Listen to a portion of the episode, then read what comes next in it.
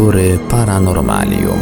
Dziś w lekturach Paranormalium sięgniemy do książki Tomasa Degina Księga Tajemnic 2, wydanej w 1992 roku. Jest to kontynuacja książki Księga Tajemnic i Rzeczy Niezwykłych, którą również prezentowaliśmy na naszej antenie.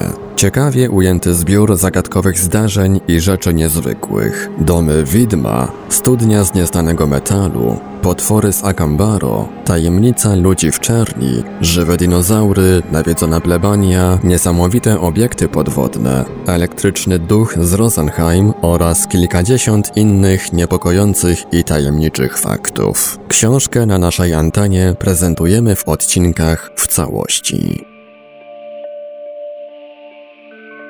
Zdumiewający przedmiot z Koso 13 lutego 1961 roku Mike Mikesell, Wallace Lane i Virginia Maxey zbierali próbki minerałów, wypatrując zwłaszcza szczelin skalnych obrosłych na ścianach kryształami i wypełniających je tzw. Tak geod. Było to jakieś 8 do 9 kilometrów na północny zachód od Olancha w Kalifornii. Cała trójka to właściciele LM&V Rockhounds Game and Gift Shop w Olancha, sklep z półszlachetnymi kamieniami i pamiątkami. Często znajdowali ciekawe próbki, które mogły zawierać półszlachetne kamienie i zabierali je do sklepu w celu zbadania.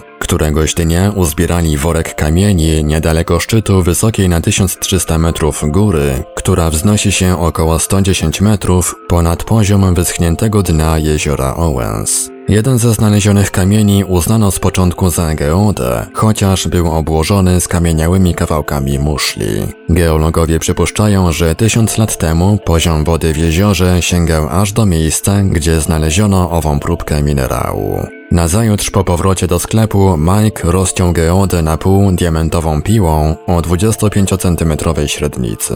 Kamień okazał się trudny do przecięcia i jak stwierdzono potem, ostrze nowej diamentowej piły zostało zupełnie zniszczone. W kamieniu nie było wklęśnięć, jakie znajdowano w wielu innych geodach. Zamiast tego okazało się, że przekrój po przecięciu jest idealnie okrągły i że w środku kamienia znajduje się bardzo twardy materiał ceramiczny lub porcelanowy, a wewnątrz niego trzon z błyszczącego metalu o 2 mm średnicy. Chociaż niekiedy taki znaleziony kamień nazywa się geodą, nie jest to prawdziwa geoda. Zewnętrzna powłoka uformowana była z utwardzonej gliny z wtopionymi w nią kamieniami i skamieniałymi muszlami. W powłoce miały się podobno znajdować dwa przedmioty uważane za niemagnetyzujące się, które przypominają gwóźdź i okrągłą podkładkę. Sądzono z początku, że materiał wypełniający sześciokątną szczelinę jest skamieniałym drewnem. Podejrzewano, że drewno zostało pierwotnie uformowane w taki sześciokątny kształt, by mogło służyć jako rodzaj obudowy czy osłony dla tego przedmiotu. Po dokładnym zbadaniu przedmiotu okazało się, że z jednej połówki odpadł kawałek tego, co wypełniało sześciokątny otwór w geodzie. Czym by nie było to tworzywo, wydawało się raczej miękkie i kruche, skoro jego fragment odpadł po rozcięciu przedmiotu na dwie części. Jest sprawą oczywistą, że przedmiot częściowo metalowy, ukryty w kamieniu, po rozcięciu go pozostał, tkwiąc po połowie w każdej z dwóch części kamienia. Głównym przedmiotem jest trzon z błyszczącego metalu o 2 mm średnicy. Został on rozcięty na pół w roku 1961, ale pięć lat później nie widać było na nim żadnego zmatowienia. Wokół niego znajduje się 18 mm warstwa ceramiki, obłożona z zewnątrz, jak się zdaje, substancją miedziową, częściowo zżartą przez korozję. Zdaniem badaczy, jedyną magnetyczną częścią przedmiotu jest trzon z błyszczącego metalu. Kiedy się bliżej przyjrzeć temu przedmiotowi, w którym zastawione są obok siebie ceramika o regularnych kształtach, metalowy trzon i cała reszta z miedzi, wydaje się, że jest to jakiś rodzaj urządzenia elektrycznego. Kiedy przegląda się zdjęcia rentgenowskie, można stwierdzić, że trzon przebija wszystkie części składowe przedmiotu i wydaje się być skorodowany na jednym z końców. Tymczasem trzon jest niewątpliwie zakończony czymś, co wygląda na metalową sprężynę lub spiralę. Trzy człony przedmiotu znajdują się na trzonie, a środkowy, z ceramiki z niewielką domieszką skorodowanej miedzi, jest najbardziej widoczny i on właśnie został przecięty na pół. Do czego to można porównać? Tu włosy jeżą się na głowie, ponieważ przedmiot ten najbardziej przypomina świecę samochodową. Jeśli próbować przeciąć piłą na pół zwykłą świecę samochodową tuż przy jej sześciokątnej obudowie, Porcelana okazuje się oczywiście za twarda dla piły do metali, lecz świecę można przełamać. Znajdzie się wówczas wszystkie elementy podobne do części przedmiotu z kąsą, z pewnymi jednak różnicami. Widoczny w przekroju miedziany pierścień, otaczający obie połowy przedmiotu, może odpowiadać miedzianej uszczelce w górnej części stalowej nasady każdej świecy. Sześciokątny otwór, wycięty w kamiennym tworzywie, jest prawdopodobnie wypełniony rdzą, która pozostała po stalowej nasadzie. Dolna część przedmiotu wygląda jakby była zżarta przez korozję i niewiele w tym przypadku można wywnioskować. Należy zauważyć jednocześnie, że główny trzon świecy jest zrobiony z metalu w kolorze jasnej miedzi. Maxi twierdzi, że tę właściwość posiada główny trzon przedmiotu. Górna część przedmiotu jest, jak się zdaje, zakończona sprężyną ułożoną w spirale. Istnieje jednak prawdopodobieństwo, iż to, co widać na zdjęciu rentgenowskim, stanowi w rzeczywistości resztki nagwintowanej części metalowej, która skorodowała. Najważniejszy metalowy fragment w górnej części przedmiotu z kąsą nie odpowiada raczej żadnemu elementowi zwykłej świecy, jakiej obecnie używamy. Wróćmy do najważniejszych pytań. Jeśli przedmiot z kąsą jest rzeczywiście zapłonową świecą lub czymś podobnym, to z jakiego okresu pochodzi, skąd się pojawił i co robi ukryty w czymś, co badacze nazywają kamieniem? Po pierwsze, nie wiadomo dokładnie, czym jest substancja, która otacza przedmiot z koso. Maxi określa ją czasem jako stwardniałą glinę, na której powierzchni zebrała się cała kolekcja różnych kamyków, także gwóźdź, podkładka i temu podobne. Jeśli substancja ta nie jest złożem osadowym, łatwiej da się wyjaśnić istotę przedmiotu. Mogłaby to być stara świeca zapłonowa, pochodząca sprzed wielu lat, do której w ten czy inny sposób przykleiło się zgęstniałe, a później stwardniałe błoto. Substancja znajdująca się na powierzchni ma według obliczeń twardość 3 w skali Moza od nazwiska niemieckiego mineraloga, co nie oznacza zbyt dużej twardości. Jest to twardość kalcytu, po talku i gipsie. Najwyższy stopień w skali ma diament. Diamentowa piła została prawdopodobnie uszkodzona tylko dlatego, iż człowiek, który jej używał, nie zdawał sobie sprawy z obecności w kamieniu substancji twardej jak porcelana. Przedmiot ten, o ile nie stanowi produktu współczesnej technologii, jest z całą pewnością jednym z najważniejszych, jakie kiedykolwiek znaleziono. Trudno sobie wyobrazić kalifornijskich Indian używających świec zapłonowych, chociaż niektóre wynalazki technologiczne mogły pojawić się bardzo wcześnie, a następnie zniknąć, jak to się stało na przykład z kryształową soczewką z Niniwy i babilońskimi akumulatorami elektrycznymi. Maxi twierdzi, że główny trzon przedmiotu nie jest magnetyczny, mimo że wcześniej w swoim artykule zamieszczonym w Desert Magazine z lutego 1961 roku napisała Jedynie ten metalowy trzon reaguje na magnes. Uważa ona, że to właśnie ta metalowa część tak utrudniła przecięcie obiektu na pół. W. Lane wystawił ten przedmiot u siebie w sklepie, żądając zań 25 tysięcy dolarów. Trochę drogo, jeśli jest to rzeczywiście tylko stara świeca zapłonowa. Podobno interesuje się tym przedmiotem wiele muzeów, a zwłaszcza Smithsonian, lecz gdyby Smithsonian go nabył, to chyba tylko po to, by się zapodział gdzieś w jego piwniczych magazynach, gdyż taki właśnie los spotkał większość próbek i okazów w tym muzeum. Nie ma żadnych danych, by sądzić, że jakiś zawodowy naukowiec zbadał kiedykolwiek ten przedmiot. Tak więc odpowiedź na pytanie, czym właściwie ów przedmiot jest, pozostaje w sferze przypuszczeń. Wygląda na to, iż obiekt z kąsą podzieli los innych tajemniczych rzeczy i znalezisk, jak mumia z Wyoming czy manuskrypt wojnicza.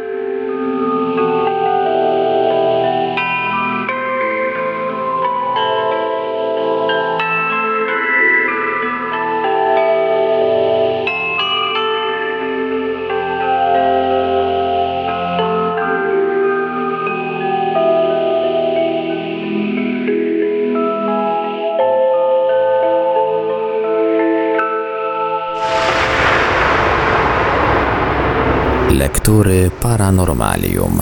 Poprzedni świat umarł. W 1971 roku ukazał się bardzo rzetelny i obiektywny artykuł Wilberta Rusha Seniora, profesora biologii w Concordia College w Ann Arbor w stanie Michigan. Jego tytuł brzmiał Skamieliny śladów ludzkich stóp. Profesor pogrupował znalezione dowody na trzy grupy. Przyznał, że wśród licznych okazów istnieją i takie, które wyrzeźbiono ludzką ręką. O wielu skamielinach trudno powiedzieć, czy są prawdziwe, czy nie. Najwięcej uwagi artykuł poświęca jednak tezie, że, cytat, bezsprzecznie istnieją autentyczne ślady człowieka, zachowane w skale. Już w 1938 roku czasopismo Science Newsletter przyznało, że skamieniałe odciski są zagadką, której współczesna nauka nie potrafi rozwiązać. W komentarzu stwierdzono, że rozmiary znalezionych śladów odpowiadają wielkością ludzkiej stopie 23 do 26 cm. Sam kształt również jest łudząco podobny. Cytat Gdyby tylko kciuk był odrobinę większy, a mały palec nie był odchylony od osi stopy o niemal 90 stopni, ślady z pewnością byłyby pochodzenia ludzkiego. Koniec cytatu. Jednak nawet najśmielsze teorie antropologiczne umieszczają powstanie gatunku człowieka dopiero około miliona lat temu. Znalezione odciski pochodzą sprzed 250 milionów lat w okresie karbońskim ery paleozoicznej, bo o tych czasach właśnie mówimy. Najwyższymi formami życia były zwierzęta wodno-lądowe, spokrewnione z żabą i salamandrą. Jeśli to one pozostawiły intrygujące ślady, jakich ogromnych musiały być rozmiarów. Innym nierozwikłanym problemem jest brak śladów kończyn przednich. Znajdowano jedynie odciski kończyn tylnych, ułożonych we wszystkich możliwych kierunkach, które niewątpliwie należały do istot dwunożnych. Tak więc coś dużego chodziło po naszej planecie ćwierć miliarda lat temu, zostawiło po sobie wiele śladów, zniknęło, a my nie wiemy, co to jest. Zagadka pozostaje nieodgadniona i ze spuszczoną głową musimy przyznać, że nasze poczynania mające na celu jej rozwiązanie przypominają miejscami zachowanie Kubusia Puchatka tropiącego ślady łasiczki. Dużo łatwiej byłoby rozwiązać niecodzienną tajemnicę, gdyby, na przykład, wraz ze śladami znaleziono skamieniałe kości nieznanej istoty. Byłoby to jakieś ziemnowodne zwierzę, mierzące około dwóch metrów wzrostu, chodzące na dwóch łapach, zaopatrzonych w piętę, pięć palców i być może sandały.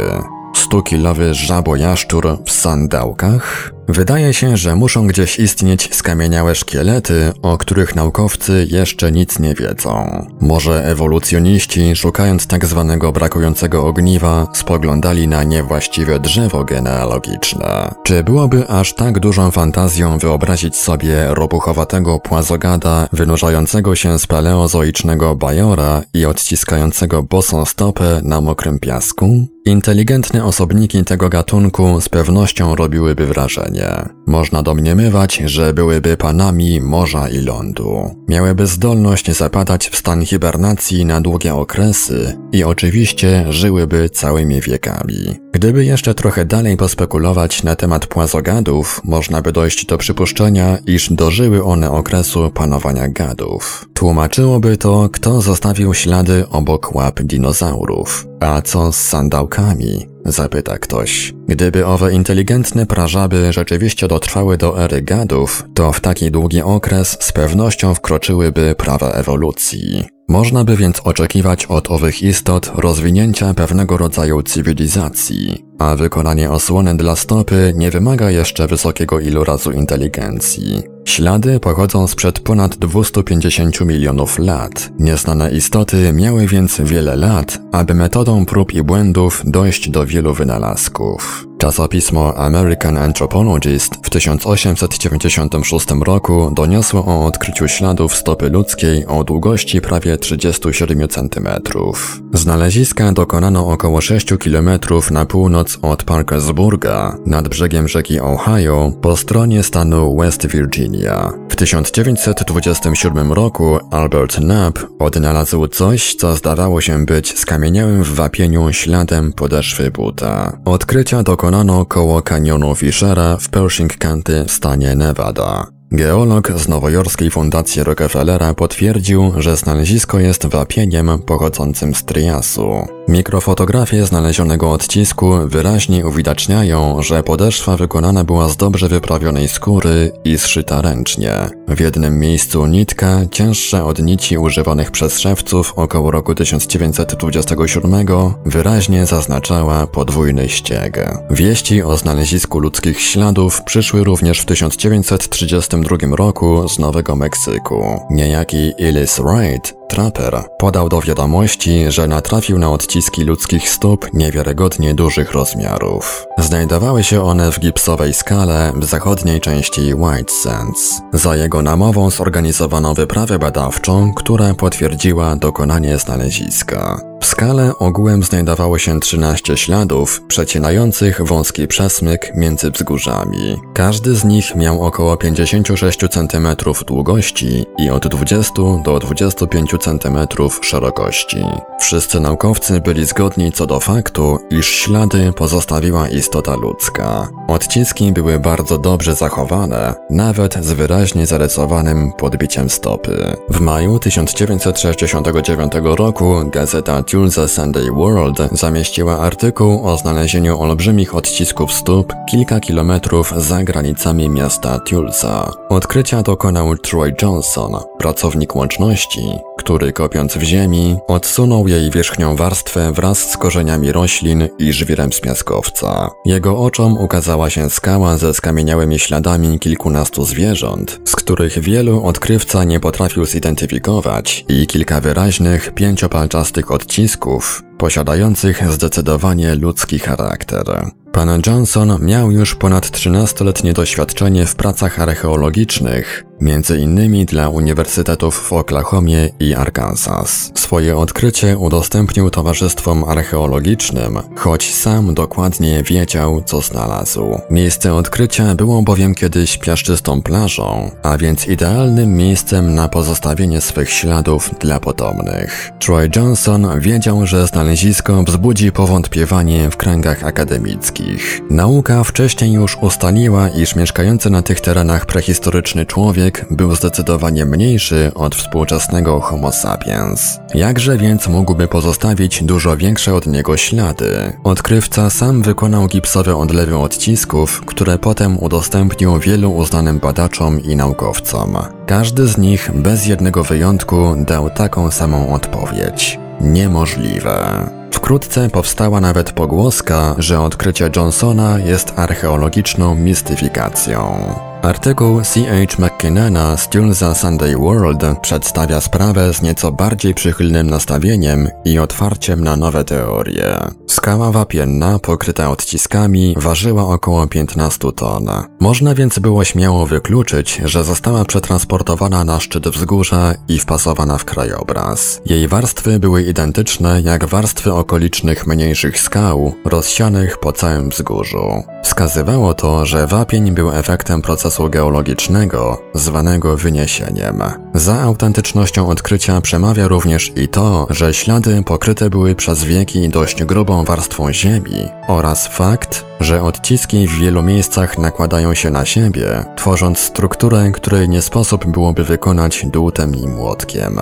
Książka doktora Emersona Hartmana Giant of the Sierras Olbrzym z gór zawiera reprodukcję szkicu wykonanego rzekomo w 1921 roku przez pracownika Parku Narodowego, przedstawiającego odciski ludzkich stóp i ślady dinozaurów. Dokładność szkicu została potwierdzona przez wykonaną przy okazji fotografię, która ukazuje ślad lewej stopy człowieka, a także niewyraźnie widoczne zarysy odcisku nogi dinozaura, pisze dr Hartman.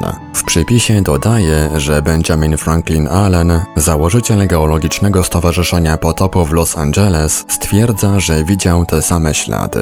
Zgodnie ze świadectwem Allena, odciski były nie tylko znakomicie zachowane, jakby wyciśnięte w miękkim betonie, który szybko twardniał, ale także z tej samej warstwy geologicznej zostały pobrane ślady jaszczurki, ptaka i innych drobnych zwierząt. Wszystkie tak doskonałe, jak w momencie, kiedy zostały odciśnięte. Koniec cytatu. Pytanie brzmi, Jak to się stało, że owe ślady pozostały na prehistorycznej plaży wystarczająco długo, by stać się skamielinami? Dlaczego inne stworzenia nie zadeptały tropów? Przecież z całą pewnością następny porządny deszcz, czy choćby przypływ, zmyłby je bezpowrotnie. Najlepszym sposobem pokrycia i zachowania dla przyszłych pokoleń gruntu, być może z odciskami stóp istot żywych, jest nagła katastrofa. W swym dziele Prehistory and Earth Models Prehistoria i modele Ziemi dr Melvin Cook wykazuje, że, cytat, nagłe pogrzebanie w wyniku katastrofy umożliwia zachowanie szczątków do fosylizacji, ponieważ powoduje, że okaz nie jest narażony na wpływ warunków atmosferycznych. Nie tylko miękkie, ale także twarde części ciała zwierząt mają tendencję do znikania w relatywnie krótkim czasie, jeżeli są eksponowane na powierzchni gruntu.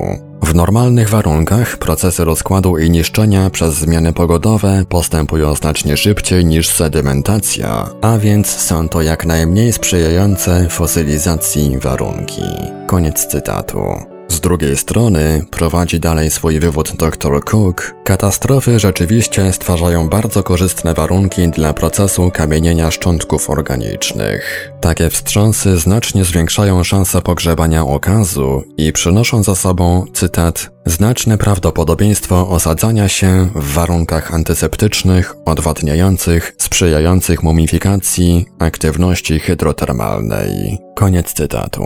Tu wyłania się wielki paradoks, polegający na tym, że ta sama katastrofa, która pozwoliła szczątkom przedstawiciela jakiegoś gatunku przetrwać do naszych czasów i znaleźć się we współczesnym muzeum, była prawdopodobnie wystarczająco gwałtowna, aby kompletnie zetrzeć tę istotę z powierzchni Ziemi w stanie Może to tłumaczyć, dlaczego stworzenia, najpowszechniej reprezentowane w obrębie skamielin, w tym trylobity, nie istnieją już obecnie na Ziemi. Patrząc z tej perspektywy, rozumiemy, że to obute w sandał coś, co rozdeptało trylobita, mogło przejść jeszcze tylko kilka kroków, zanim naturalny kataklizm nie starł go z powierzchni Ziemi, a może razem z nim i cywilizację, którą zdołał stworzyć.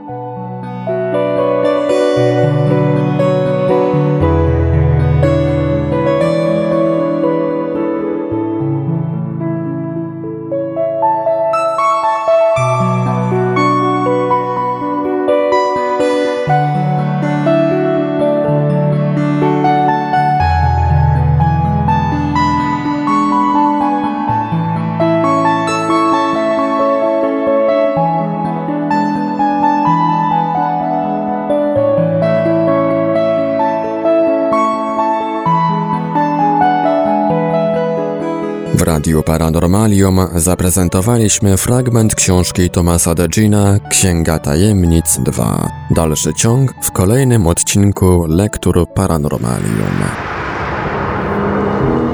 Archiwalne odcinki Lektur Paranormalium znajdziesz do pobrania w archiwum naszego radia na stronie www.paranormalium.pl.